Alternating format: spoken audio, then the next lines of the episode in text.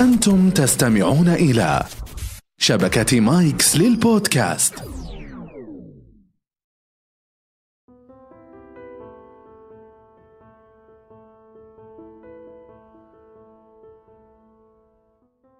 المميز في الإلقاء يا ترى ما هي صفاته؟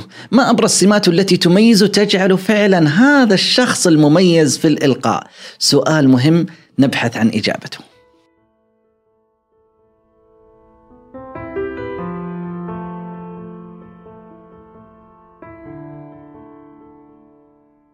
السلام عليكم ورحمة الله وبركاته. أهلا وسهلا بكم أيها السادة المستمعين والمستمعات. ما زلنا نتحدث في عالم المهارات وما أجمل المهارات وما ألطفها لأنه الإنسان فعلا وهو يستمع يحرص دائما على تطوير نفسه. في مهارات الإلقاء نريد أن نتحدث عن الشخص الذي يلقي. يا ترى ما هي أهم صفاته؟ صفات كثيرة متعددة ولكني أحببت أن أختصرها لكم في خمس صفات أساسية.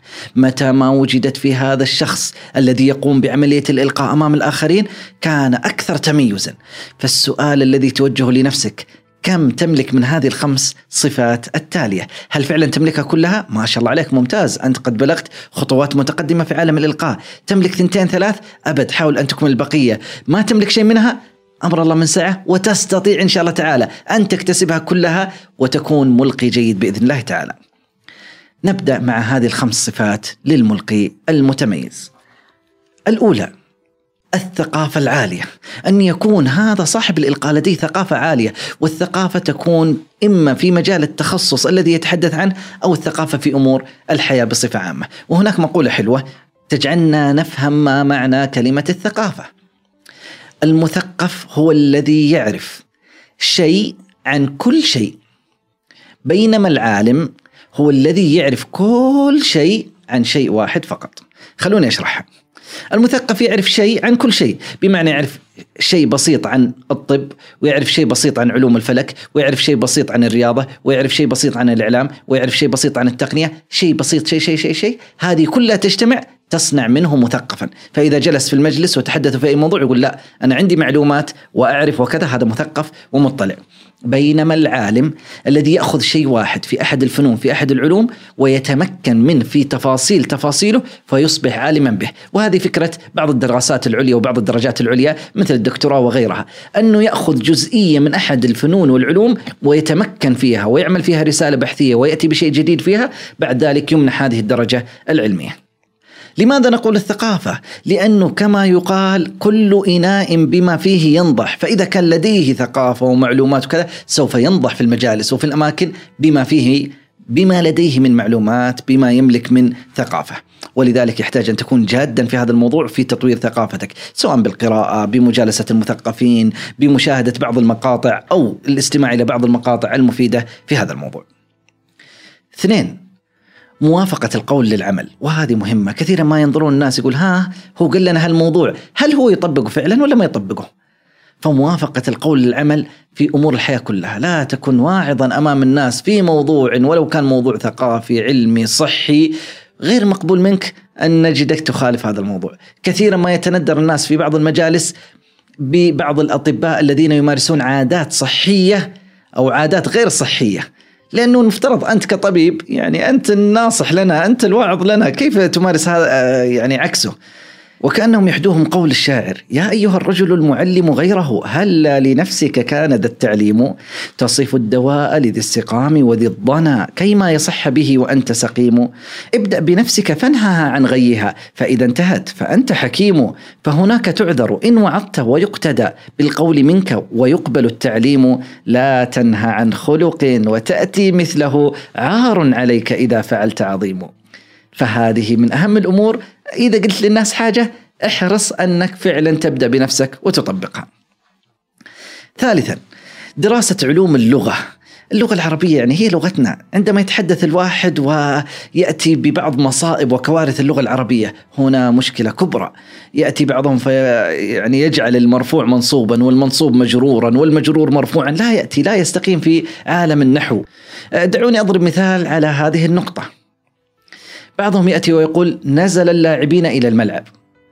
نقول له لا يا عزيزي هناك خطأ. يقول لا لا أنا شايفهم بعيوني. صدقني شوفهم نزل اللاعبين إلى الملعب. نقول هناك خطأ. الخطأ ليس أنهم نزلوا ولا ما نزلوا. الخطأ في اللغة العربية نزل اللاعبون إلى الملعب.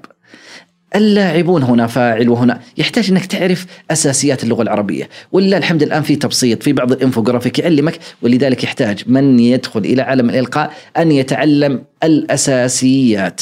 أقل شيء أنا أقول الأساسيات حتى تعطيه انطلاقة.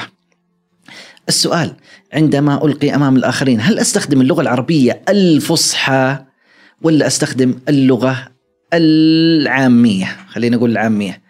الصحيح يا سادة يا سيدات ألا تستخدم الفصحى المقعرة التي يصعب على الناس أن يفهموها ولا تستخدم العامية البسيطة الزايدة التي قد لا يفهمها أناس آخرين. أنت تتحدث وأنت مثلا في مدينة معينة من في الشمال لا يفهمها أو في الشرق أو في الجنوب أو في دولة أخرى. أنا في السعودية من يسمعني في مصر ولا في المغرب العربي قد لا يفهم بعض الكلمات لأنها لهجة محلية داخلية لدينا في منطقتنا. طيب ما هو الحل؟ نقول الحل بين اللغة العربية الفصحى وبين اللغة العامية البسيطة. هناك عرف لدى عالم الإعلام نسميه اللغة البيضاء. ما هي اللغة البيضاء؟ هي اللغة البسيطة التي يتحدث بها الناس. اللغة المفهومة. لا تخرج عن سياق اللغة العربية ومن يستمع لك في أي مكان سوف يستطيع يفهمك. وبكل بساطة وهي التي أحاول أن أمارسها الآن وقد أنجح أحيانا وقد أتعثر في بعض الأحيان. إذا اللغة العربية استخدام بعض المفردات الجيدة التي توصل المعنى لأنها أداة نقل المعلومة إلى الآخرين هي الكلمات. الكلمات هذه إذا أحسنت اختيارها سوف تصل الفكرة لمن أمامك بشكل واضح. لم تحسن اختيارها تراك جبت العيد في بعض الأحيان. تبغى تقول لهم سالفة تبغى توصل معلومة ما توصل لهم بشكل صحيح. المشكلة لأنه ليس لديك حصيلة لغوية من الكلمات والمفردات التي تعبر عن الفكرة التي في ذهنك. فلذلك احرص على اللغة العربية. رقم أربعة. من الصفات المهمة لأي شخص يمارس عملية الإلقاء ويريد أن يكون متميزا فيها الثقة بالنفس. لا يمكن أن يكون إنسان يلقي أمام الآخرين وهو مهزوز وهو غير واثق من نفسه وهو يتلعثم وهو آه، نبرة الصوت تجد فيها اهتزاز آه، آه، لا هذا واضح إنه ليست مشكلته التلعثم الذي يحدث وإنما مشكلته داخلية عدم الثقة في نفسه أو فيما يقول. ولذلك كن واثقا من نفسك. كيف أكون طيب واثق من نفسي عند القيام بالإلقاء أمام الآخرين؟ رقم واحد حضر تحضير ممتاز. اتعب على التحضير الذي تقدمه للآخرين. رقم اثنين تدرب جيدا. إذا ما تتدرب وتقفل على نفسك الباب وتحاول أن تمارس الإلقاء وتتخيل أمامك الناس وفعلا كأنه الناس أمامي وأنا ألقي وكذا تعيش الجو. هذا التدرب هو الذي إن شاء الله تعالى يزيد من ثقتك في نفسك. رقم ثلاثة أن تبدأ مرة ومرتين وثلاث وتلقي أمام الناس، بعض الأحيان سوف تخطئ، لا تتوقف.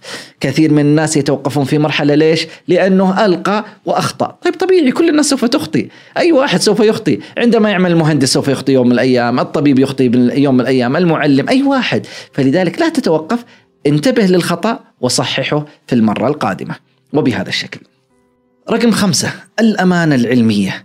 لا نتصور أن يكون هناك شخص يلقي أمام الآخرين ويقدم لديهم معلومات ثم يكون لديه إشكالية في الأمانة العلمية. بمعنى لا ينسب المعلومة إلى قائلها لا يذكرها بشكل صحيح. آه، يأتي ببعض المعلومات والأرقام فيخطئ فيها الأمانة العلمية. بالعكس ترى هذه بعضهم يقول أوه كيف أقول أني والله أخذتها من الكتاب الفلاني؟ أفضل خليني أنسبها لنفسي وأكمل. لا لا هذه تزيد ثقتك عند الآخرين. يقول ما شاء الله تبارك الله الرجال بحث الرجال اشتغل ونقل هذه المعلومات من هذه المصادر.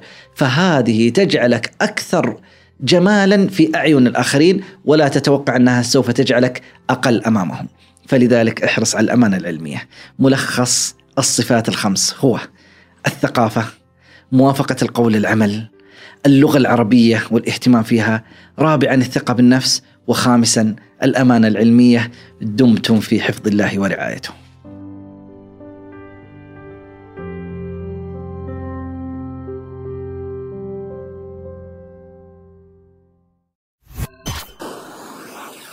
مايكس صديقك المفضل الجديد.